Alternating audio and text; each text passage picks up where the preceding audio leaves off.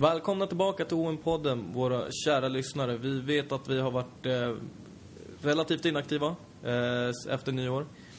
Eh, och därför vill vi önska er en god fortsättning och hoppas ni hade en bra jul. Eh, Marseille har dock inte varit inaktiva, eller hela klubben har inte varit inaktiv. Eh, det har skett eh, det ena och det andra. Eh, det har kommit in tränare, det har försvunnit spelare och så har vi även fått ett par nyförvärv.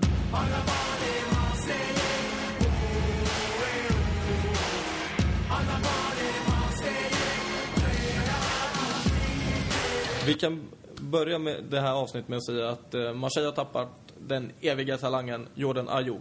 Eller tappat har man inte väl, men man har lånat ut honom. Eh, och man lånade ut honom till eh, Sochaux var det va, Matte? Det stämmer fint det. Och det går väl si så där för eh, Ayew. Han är väl som i Marseille, blandar och ger. Ja, visar mycket vilja men eh, han är ju inte den mest produktiva spelaren. Eh, han verkar komma bra in i laget dock. Jag tittade efter eh, Sochaux Nantes där. Eh, jag tror att det var Sochaux Nantes. Men eh, han grät i intervjun efter matchen för att han kände en sån tilltro mot tränaren och ja, han vill ge tillbaka. Så han verkar ju trivas eh, väldigt bra i, i Sochaux som känns som att de har en lite uppåtgående sväng.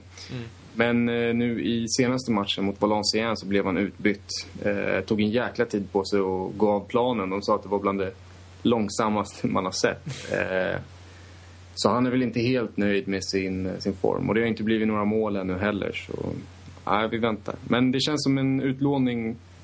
Eh, rätt steg att ta för Marseille i varje fall. Känns som att en utlåning kunde ha kommit lite tidigare också i och med att han, han har haft väldigt, väldigt svårt att blomma ut i Marseille när han väl har fått chanserna. Men det egentligen bättre sent än aldrig och att Sochaux, det, det verkar väl ändå vara en klubb som passar honom bra för en utlåning. Ja, han har fått mycket tilltro där, mycket speltid. Eh, de har ju eh, Bakambu och Zambien eh, Majuka på anfallet som eh, har varit väldigt populära hos tränaren.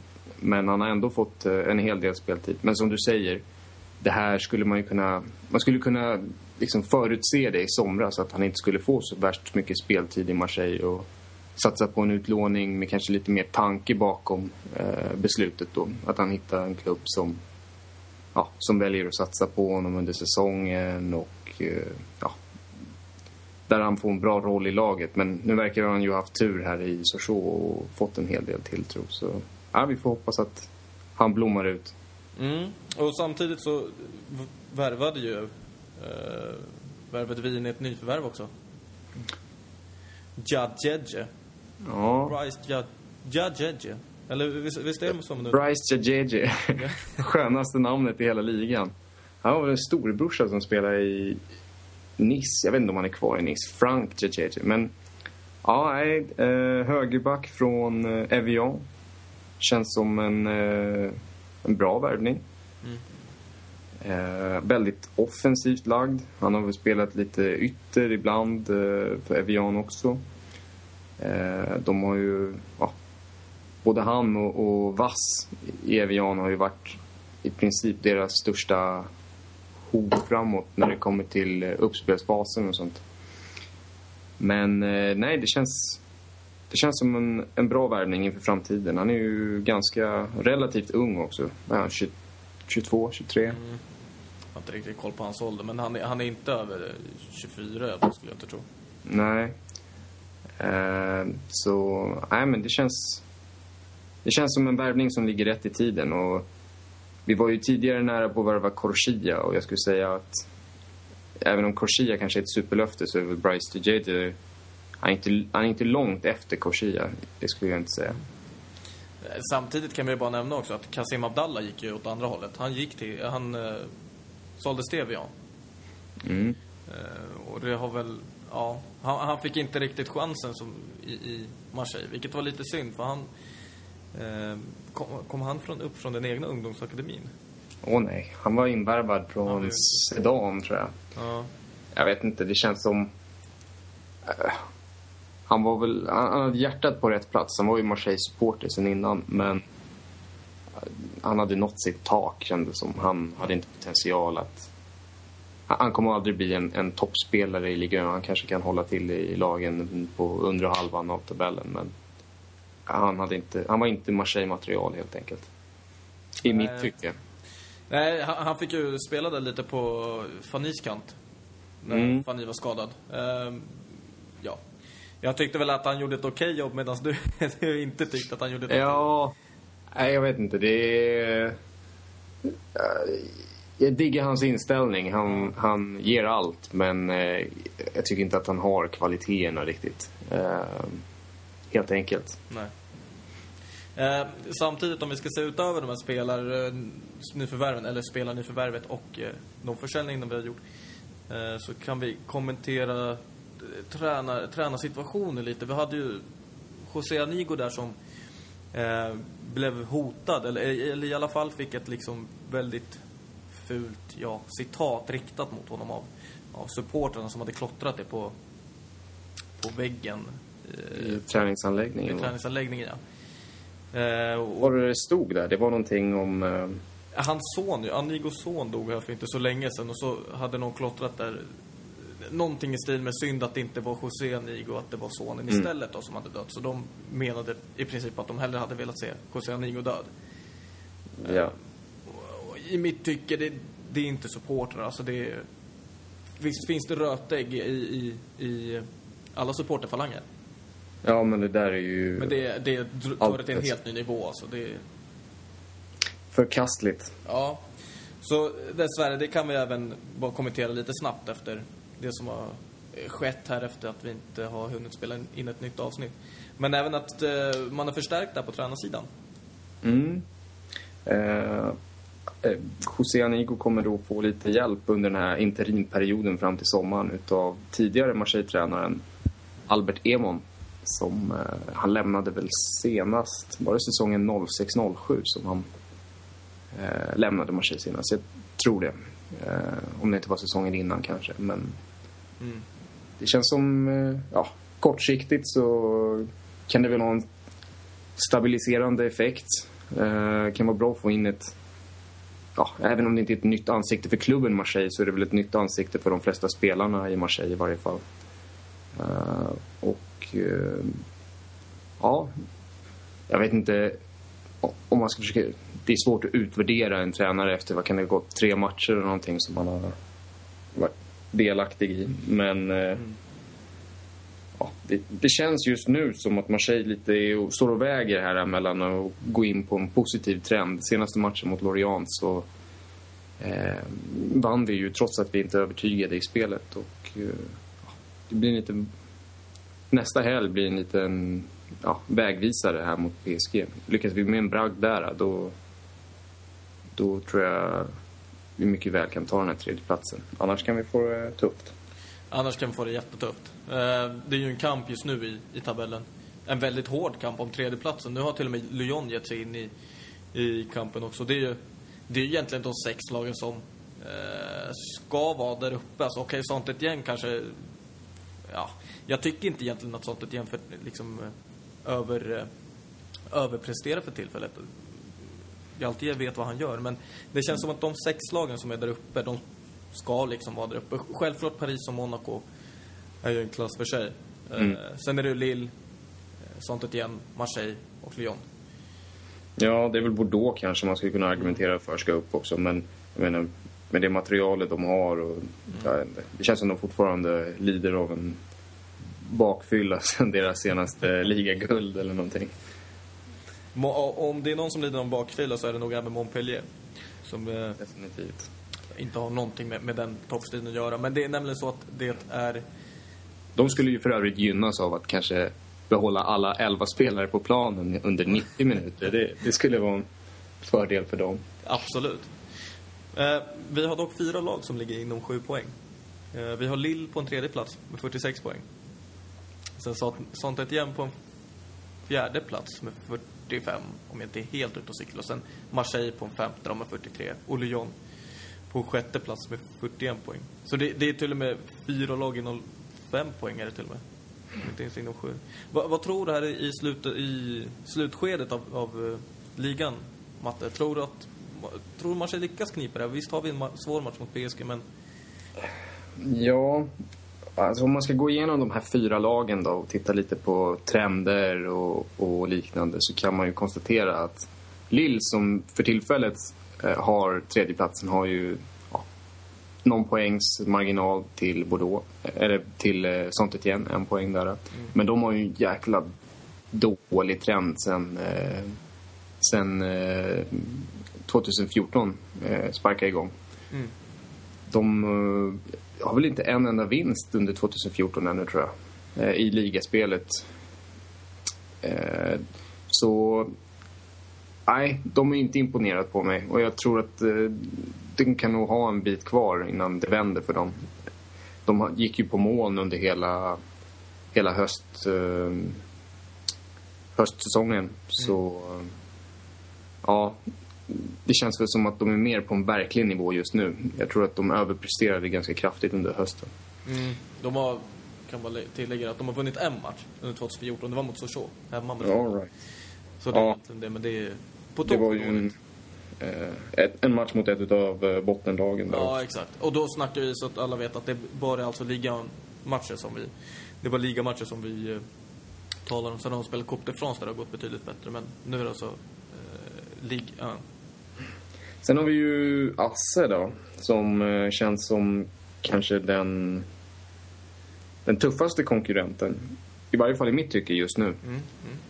Eh, De har ju en bra trupp, mycket erfarenhet. Eh, Och de gjorde ett starkt vinterfönster också. Fick tillbaka bekantingen Guilavogui. Eh, Och ja, de har väl en, en helt okej trend. Och, det, det var verkligen synd att vi inte lyckades slå dem senast. För eh, det hade kunnat göra mycket i, när man summerar sluttabellen här i, i maj. Mm. Sen, eh, de fick ju behålla Zuma också fram till sommaren. Eh, sen drar han väl till Chelsea. Men även bekantingen Tremolinas kom Ja. till sånt igen. Så nej, de sålde Golan där till ja, det Napoli han gick till, Torino eller någonting. Eh, och fick in Tremolinas och det är ju, Även om det bara var på lån och det nu så kortsiktigt känns det som att de böt upp sig på, på vänsterkanten. Nu kan ju inte jag säga att jag följt Dynamo Kiev där han kom från särskilt noga så jag vet inte vilken klass han har hållit men om det är samma Tremolinas som lämnade Bordeaux så eh, känns det helt klart som ett, ett steg uppåt. Sen kan vi bara nämna lite kort också att Tremolinas är en eh, ligabekanting i och med att han spelade i Bordeaux tidigare. Eh, och jag kanske sa lite fel där i och med att han kanske inte är en eh, så, sånt ett jämn bekanting. Eh, hur som helst så har vi Marseille sen där på femte plats som egentligen har den eh, på pappret bästa truppen. Ja, om man kollar liksom sen i somras. Marseille slutade tvåa förra året och vi var ju det lag som spenderade mest pengar i somras om man bortser från eh, Monaco och PSG. Eh, så jag tycker ju att på pappret så, så borde ju vi vara de som ja, ska ha störst chans att ta den här tredjeplatsen eh, om man ser till vilka förutsättningar lagen hade inför säsongen. Sen så har vi ju inte riktigt levt upp till de förutsättningarna. Men eh, det känns som att vi har ett ganska bra utgångsläge i alla fall. Och eh, ja, det här är inte över på långa vägar och det kommer nog att avgöras först i de sista omgångarna. Men eh, det känns väldigt bra i varje fall nu att truppen börjar ja, gå tillbaks till normal ja, till, till- full kapacitet. Vi har ju haft mycket skador i Valbuena och Ajev som har missat stora delar utav hösten. Eh, så ja, med den impact som de kommer kunna tillföra laget så tror jag att vi kommer få ett skjuts uppåt i tabellen. Får ju hoppas också på att eh, Ajev ja, i alla fall återgår till hälften av den formen han var i tidigare. Han har inte... Visst var det en långtidsskada, men han har inte... Han har spelat någon match, tror jag. Två matcher kanske. Eh, Och då har det inte varit så där eh, det, var, det har inte varit någonting att hurra för, men det förstår man ju. Ändå. Ja, det är väl en, tar väl en tid att komma Ja. till, till rätt matchform. Och sen så har vi ju Lyon som tvärt emot, de ligger ju tvärt emot Lille kan man säga. De ligger ju sämst av de fyra lagen i tabellen. Men eh, de har haft den bästa formen sedan 2014 och eh, spelat riktigt bra fotboll faktiskt. Eh, nu spelade de ju 0-0 mot Lille i, igår kväll. Men nej, jag, jag tror de blir att se upp med alltså. De har ju hela laget tillgängligt nu också. Va? Det är väl några mindre skador på Benzia och Gurkif där. Men ja, det som skulle kunna tala lite mot dem är väl möjligtvis Europa League. De har ju lite taskiga bortamatcher där i, vad är det, Ukraina som de håller på att spela i nu. Och sen så går de vidare så får de väl ytterligare Ukrains lag i Shakhtar eller någonting. Eh, så de, och sen har de ju ligacupfinal mot PSG också där de är kvar. Så de är fortfarande, slåss fortfarande på flera fronter. Sen vet jag inte hur det ser ut för dem i Franska cupen om de skulle vara kvar där också. Men Eh, Franska cupen åkte de ut mot eh, Lens. så var det. I 16-delsfinal om igen. Det var det nog. Mm, det kanske var bra för dem i långa loppet. För jag tror att, alltså, även om de spelar jäkligt bra fotboll nu så har de inte den, den bredaste truppen. Eh, om man kollar på den här senaste matchen i Europa League så skickar de ju dit... Ja, jag brukar anse mig själv ha rätt bra koll på fransk fotboll men när de spelar upp med spelare som Tolis och Fekir och, och grejer liksom, då, då har inte ens jag full koll längre på, på vilka de matchar på planen. Nej. Så bredden finns ju inte riktigt där och med tanke på att de är kvar i flera olika turneringar så kan det bli tufft för dem. Men just nu så har de en jäkla bra form, det får man komma ihåg. Lyons tränare Remy Gard fick också lite, lite kritik för att han åkte till eh, Ukraina och mötte Tjornomorets Eh, med ja, B eller C-lag eller vad, vad man nu kan kalla det. Men eh, tydligen har han gått ut i media sen efteråt och sagt att de verkligen vill ta sig vidare i Europa League. Även om det kanske inte verkade vara så den matchen. Eh, sen kan vi även nämna, alltså den här ligacupfinalen mot Paris, den kan komma lite olägligt för, eh, för Lyon som jagar efter. För den kommer i mitten på april. 19 april. Och det är ju, ja, det är, efter det är det tre, fyra omgångar kvar av ligan. Det är väl då man är uppe i, i, i hela den här, ja, hela kampen om tredjeplatsen egentligen. Mm. De har ju ett ganska ungt lag också man har ju sett tidigare hur, hur vissa matcher kan få en ganska stor inverkan på laget. När de blev utslagna i Champions League-kvalet Real Sociedad så kändes det som att moralen i laget dog och de torskade ju hur många matcher som helst efter det i ligan och spelade riktigt dåligt. Så det kanske är nackdelen med att ha ett så pass ungt lag som de har. De, det svänger ju ganska fort. Antingen går det jäkligt bra som det gör nu eller som det gjorde i de första matcherna i ligan när de vann med, vad var det, 5-2 eller någonting sånt. Eh, eller så går det ja, väldigt dåligt. Det, det svänger fort i Lyon. Det gör det verkligen. Ehm, ja, huvudsaken är egentligen att vi kommer få se en väldigt, väldigt intressant avslutning på ligan det här året om man ser till tredjeplatsen då. Sen får vi väl se om Monaco kan eh, hinna ifatt eh, PSG där uppe i topp. Men att Lille ska hinna ifatt Monaco, det eh, finns nog det är ingen chans för att det händer.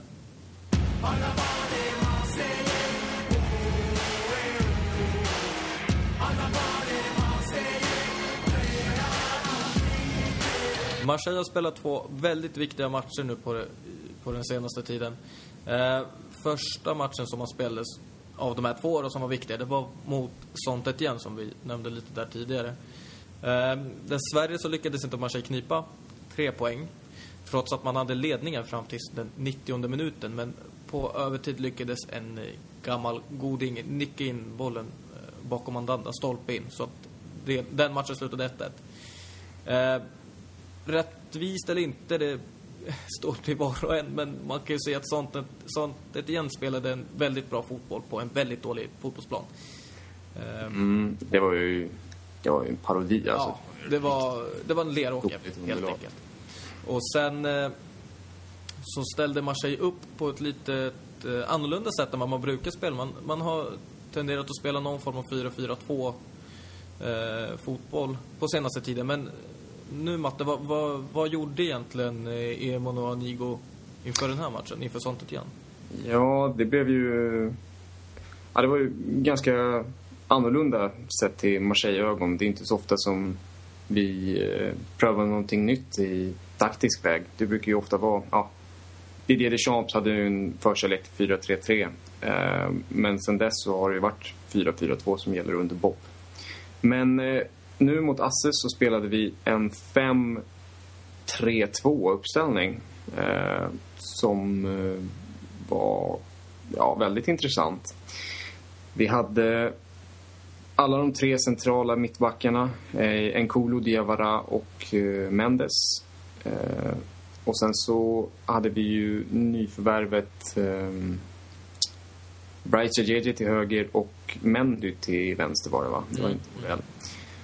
Eh, och utöver det så hade vi även Romao startade ju som är en väldigt defensiv eh, mittfältare. Eh, så det var ju en ganska defensiv uppställning även om våra två ytterbackar är ganska offensivt lagda får man ändå säga.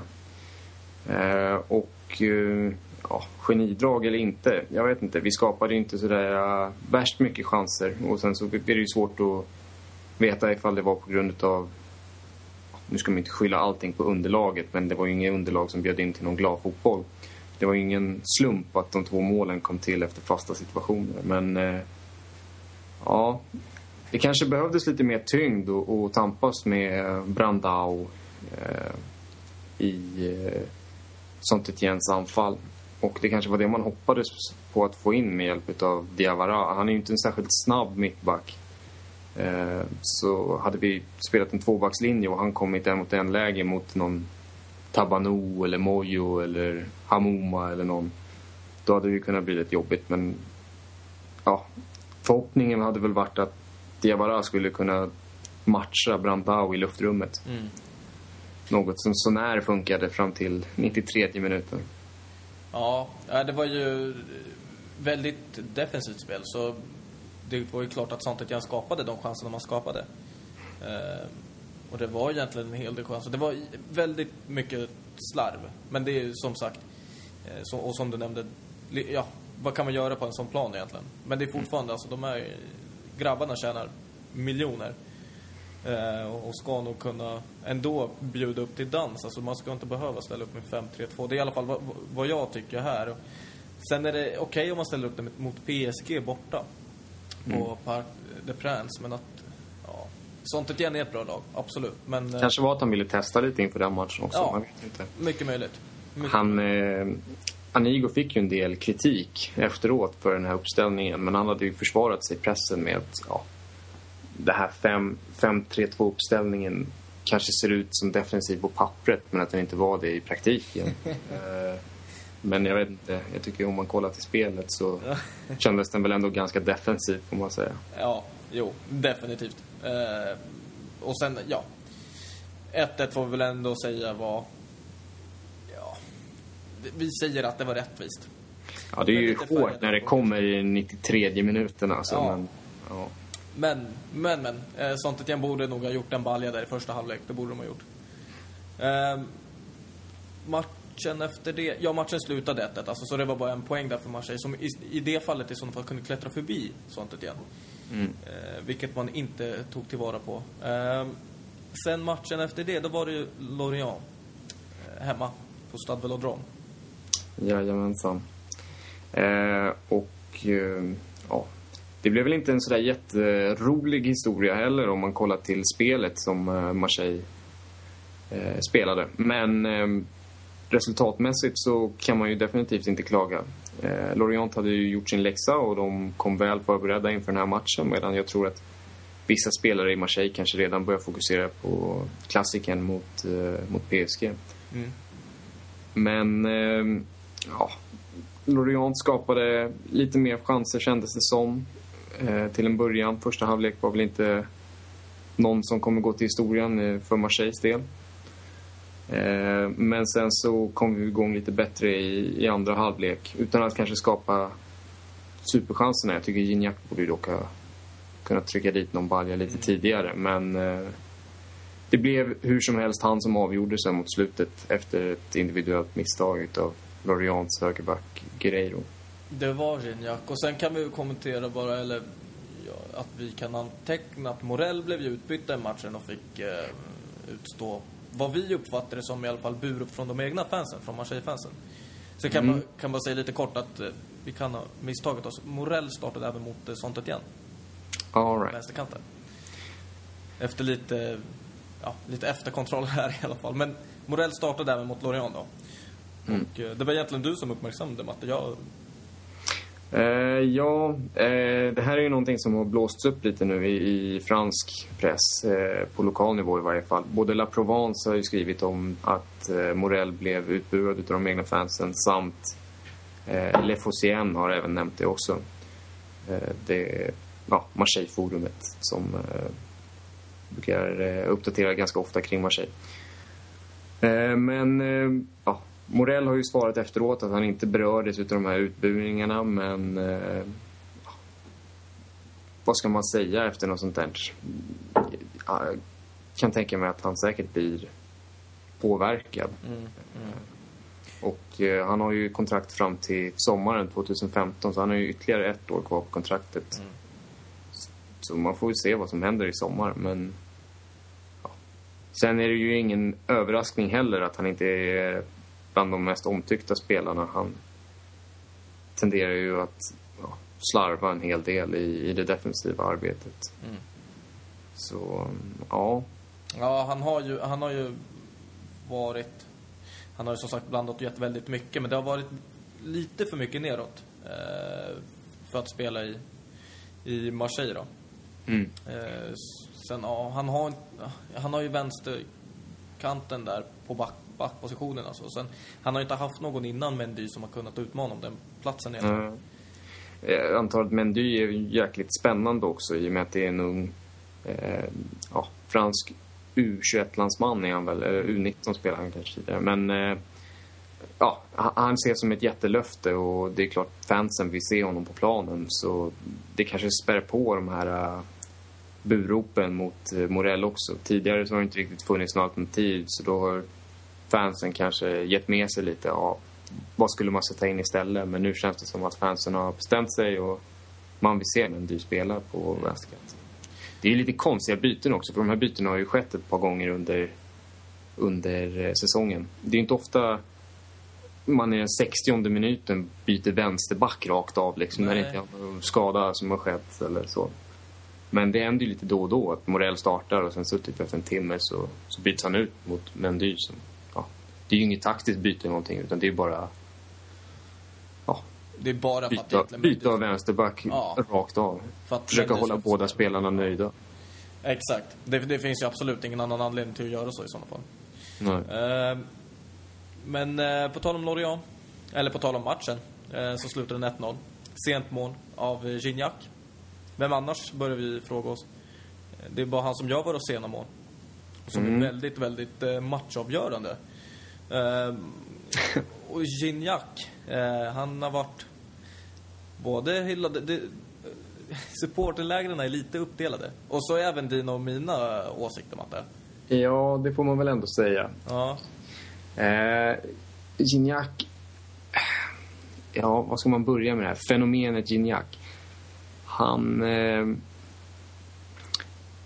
han är ju ganska ojämn spelare i mitt tycke. Och jag känner att han gör sina mål och han kan avgöra men ofta så byggs hans mål på misstag, individuella misstag på motståndarlaget.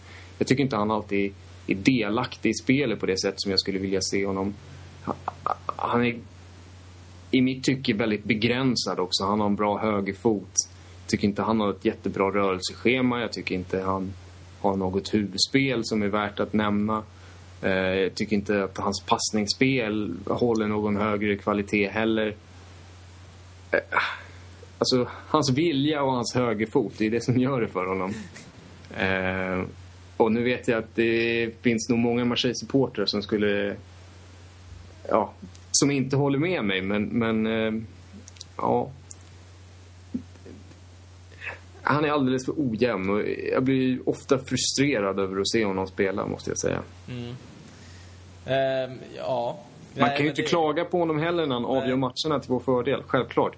Men eh, alltså, om vi vill att Marseille ska ta ett steg till och liksom skaffa ett anfallsspel som inte bygger på slump utan som liksom bygger på något sorts system, då behövs det en, en bättre taktiskt slipad anfallare. Som typ Gomis. Ja. Ehm, ja, Gign- Gignac har väl eh, sina ups and downs. Absolut. Ehm, men när han presterar, då presterar han. Då jävlar. Ja... nu nämnde jag ju Gomis här, för jag har ju sett att det har ryktats en del om att han han ska vara på väg till Marseille när hans kontrakt med Lyon går ut i sommaren och att vi ska knipa honom gratis. Och det var även snack om det förra sommaren där och det skulle ju Gignac jävligt förbannad att man var och, och nosade på, på Gomis.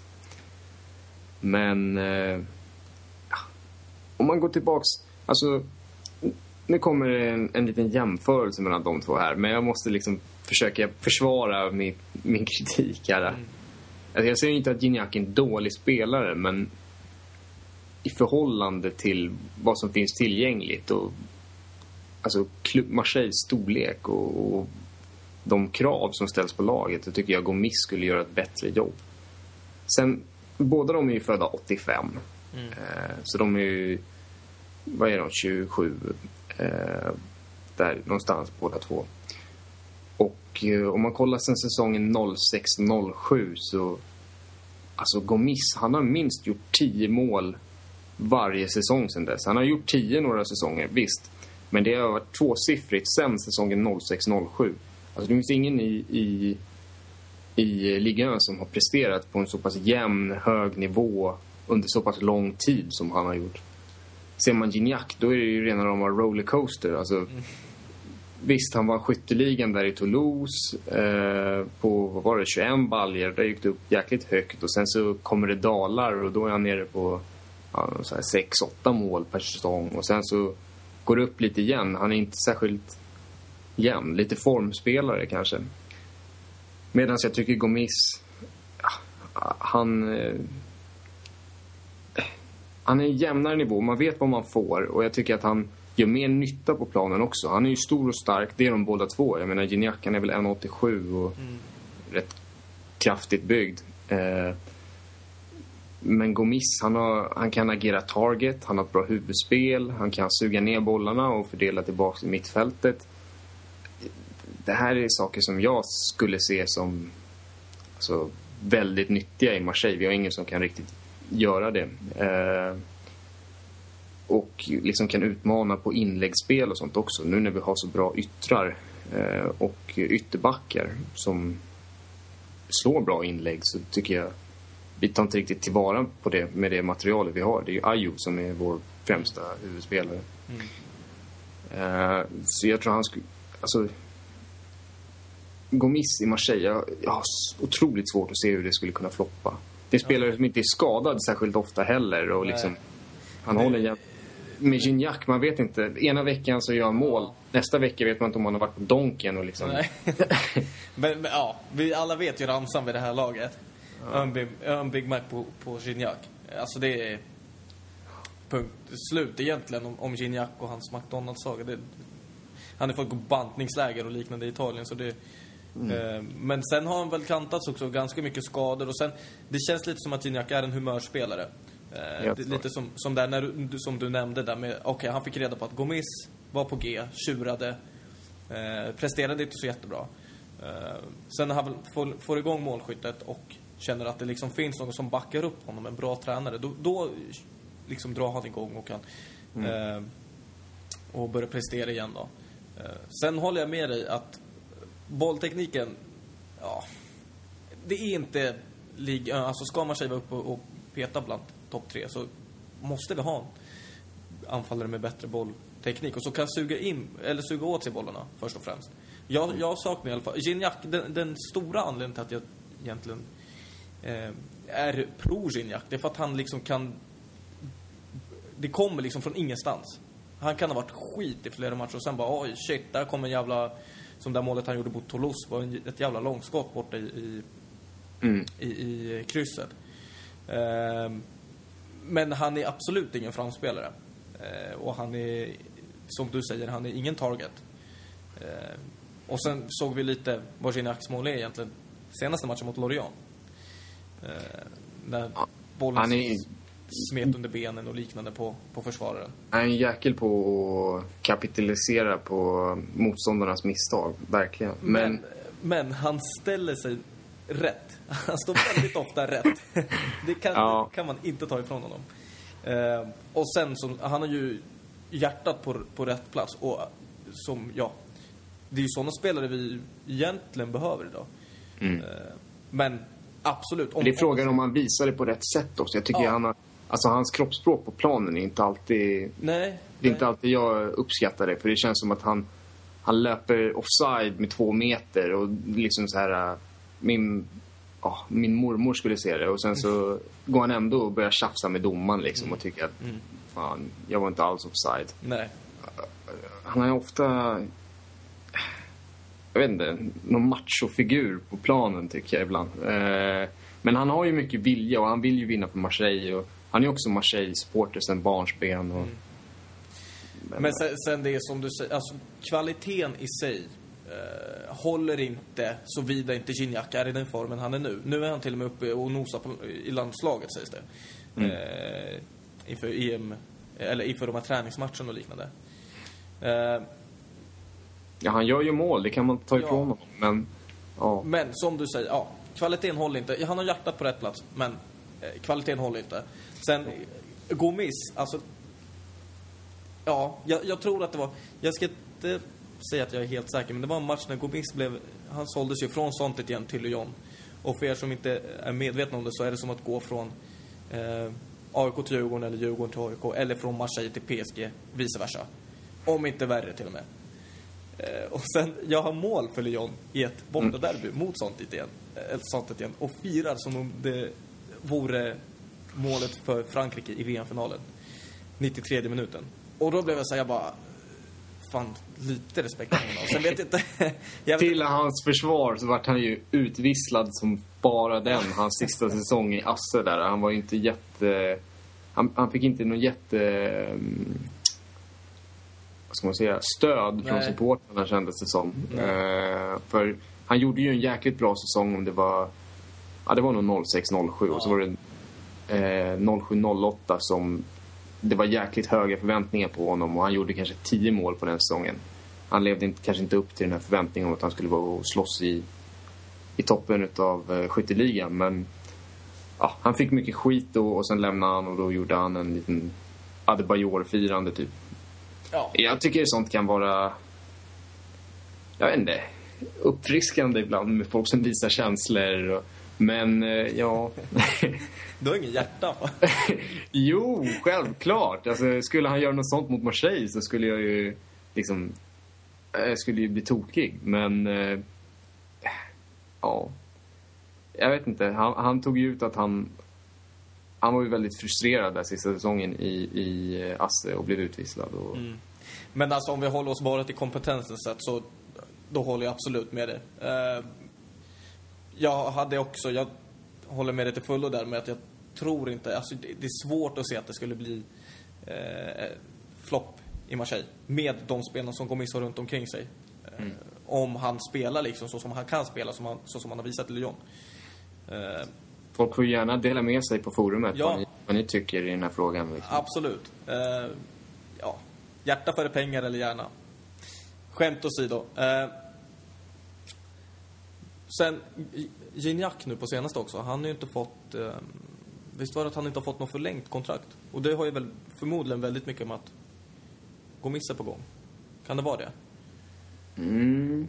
Det är någonting med att de inte vill förlänga Gignacs kontrakt eller liknande nu på senaste. Och att, eh, de har ju försökt sälja honom i, i, i vad är det nu? Senast i somras och sen eh, vintern innan dess har jag för mig att. Ja, det är lite... Han sitter nog på ett ganska bra kontrakt också. Eh, när han värvades in där efter Niang såldes så hade man ju väldigt stora förhoppningar om honom. Så han har ju suttit på ett jäkla bra kontrakt och det har ju svidit lite och eh, stuckit i ögonen på, på tränarstab och ledarstab de här säsongerna när han skickades till Fat Camp i Italien och grejer. Att han var en av de som satt på, på högst lön i, i klubben men inte presterat därefter. Så, ja. Nej, kontraktsfrågan den blir intressant. Och, ja. Men antingen så är det väl dags att förlänga eller så är det dags att sälja i sommar. Ja. Eh, Jag vet inte exakt när det går ut. Ja, Eh, ja. Om det är 2015. Det är flera som går ut då. Det är Fannys kontrakt går ut 2015 och Morells går ut 2015 också. Undrar om inte Gignacs är i samma veva där. Nej, det kan det mycket väl vara faktiskt. Det kan det mycket väl vara. Sen har vi Diawara som går ut i, i, nu i sommar. Eh, det, jo, det får de ju inte för länge. Nej, det är, nej, nej, förlåt för språket, men i helvete heller. Alltså, det. Men eh, Gignac går ut juni 2015. Mm. Eh, gör det. Eh, ja, hur som helst så får vi se vem i sådana fall. Det, det är väl dessvärre så att det inte ser ut att bli en längre session, eller det, det blir en lång session för Gignac i Marseille, men det lär väl inte fortsätta efter sommaren i alla fall, i och med att det, det har ryktats så intensivt nu i, eh, under två transferfönster om att Gignac ska, ska flytta. Och sen även det här med att Gomis blossar upp hela tiden, gång på gång. Mm. Eh, så ja, vi får helt enkelt se vad som händer här i sommar. Om Gignac är kvar eller om, eh, ja, Marseille lyckas värva någon annan och, och i sådana fall säljer Gignac.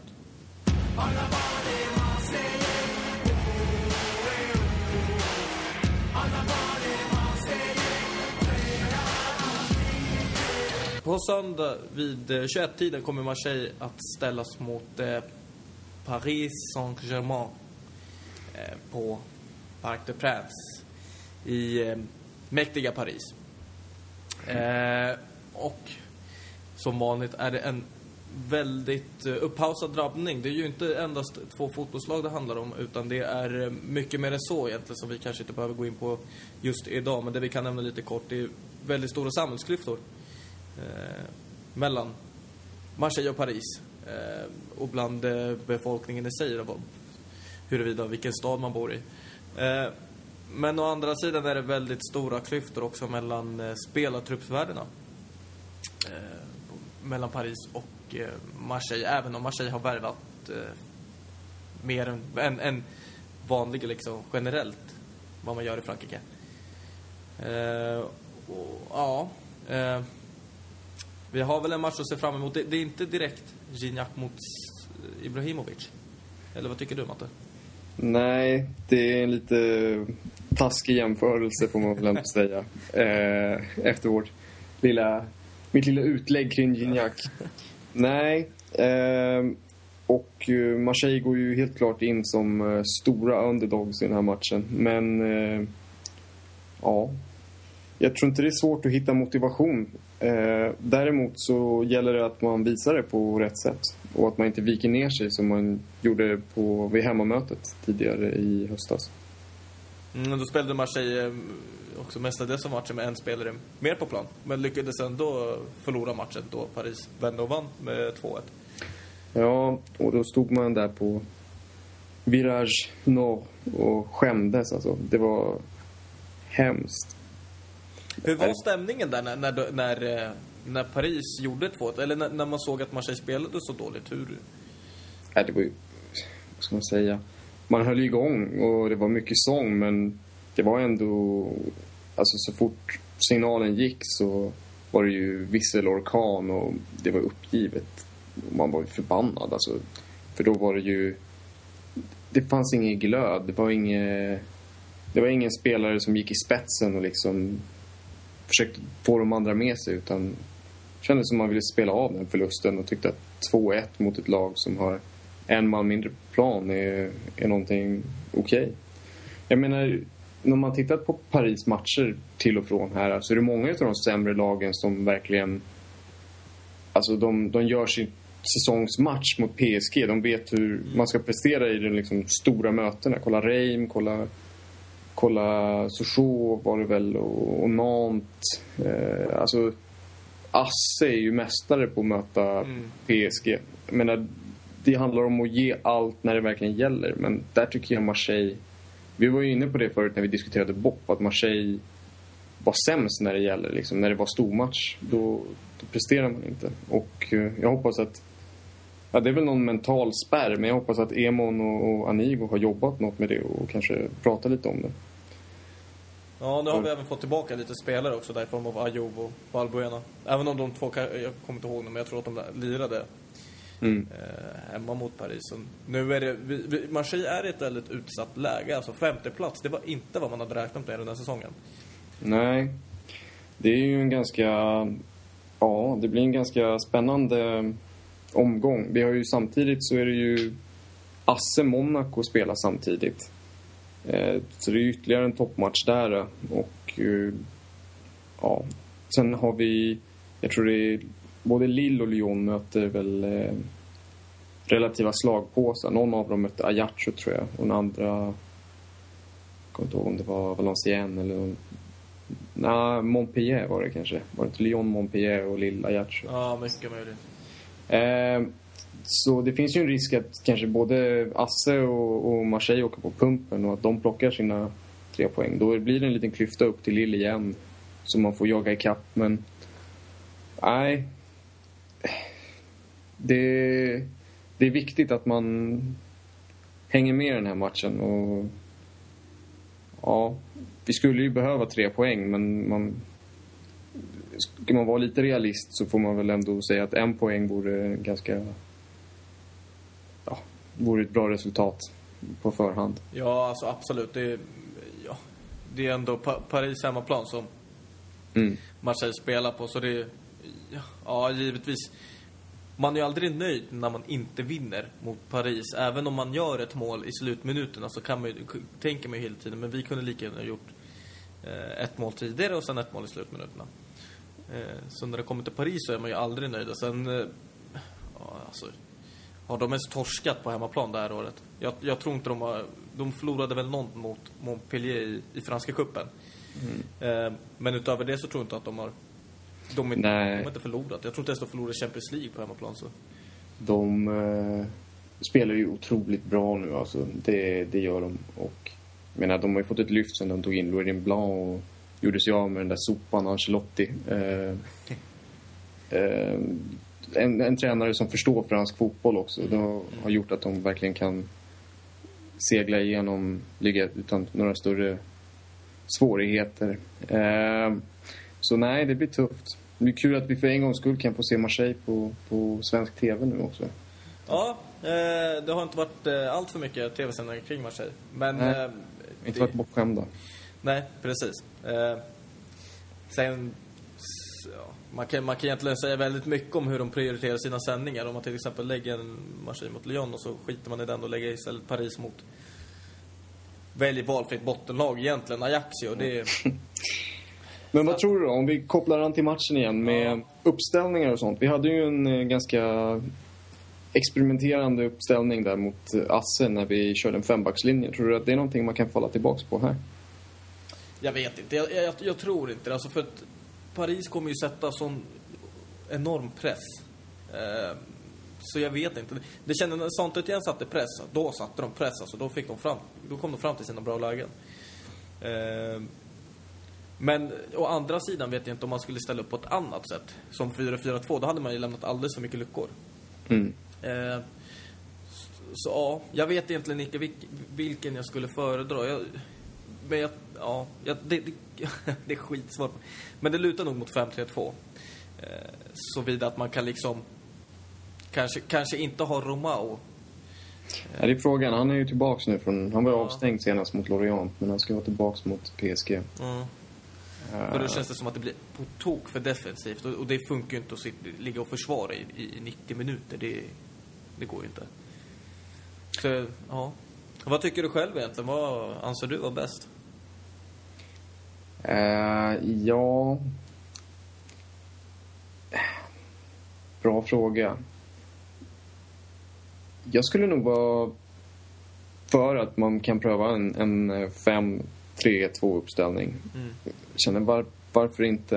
Eh, om man då ser till att... Eh, ja, jag tror tvärt där att kanske Romao skulle behövas och sen så har man en lite mer offensiv ehm, startposition för de två ytterbackarna så att de följer med upp mer i anfallet. Men så att Romao blir någon sorts länk där mellan de tre kvarvarande backarna och, och mittfältet. Eh, men jag, jag tror att det skulle kunna förhoppningsvis ge någon sorts eh, positiv effekt. Både vad det gäller att stabilisera bakåt och att eh, bidra med, med ett eh, lite fröjdigare kantspel mot, mot PSG. Mm. Men det kommer bli tufft. För det blir svårt med en tvåbackslinje. Eh, förlåt, med en fyrabackslinje men där de två ja, ytterbackarna ändå är ganska offensivt lagda så blir det ju tufft i omställningsspelet för PSG har ju många snabba anfallare i Lavetzi, Lukas och Menes. Nu vet jag inte vilka som kommer att spela den här matchen. De har ju lite att välja på kan man ju gott konstatera. Men eh, ja, vi har ju inte de snabbaste backarna. Mendes och, och Diawara skulle ju ja, lida ganska mycket i, om man kommer en mot en läge mot, eh, mot någon av dessa PSG-herrar. Mm. Eh, så nej. Ja, man skulle nog kunna ställa upp med, med en eh, fembackslinje. Det, det tror jag absolut. Varför inte? Ja, eh, ja, vi får som sagt tidigare helt enkelt se. Men det är väldigt intressant. Vi, vi vill gärna höra vad ni har för synpunkter kring eh, hur man kan ställa upp mot, eh, mot ett så spelskickligt lag egentligen som Paris. Eh, och, och ett så starkt lag som mot Paris. Eh, som vi nämnde tidigare, där hemmamötet slutade 2-1. Trots att Marseille hade en man mer på planen under störst, stora delar av matchen. Eh, och sen kan vi väl lite nämna att Gignac är visserligen i målform, men det ska mycket till för att man ska kunna göra mål på, på Paris. Eh, och Marseille behöver ha en av sina bättre dagar egentligen för att kunna plocka eh, tre poäng på Parc des Princes.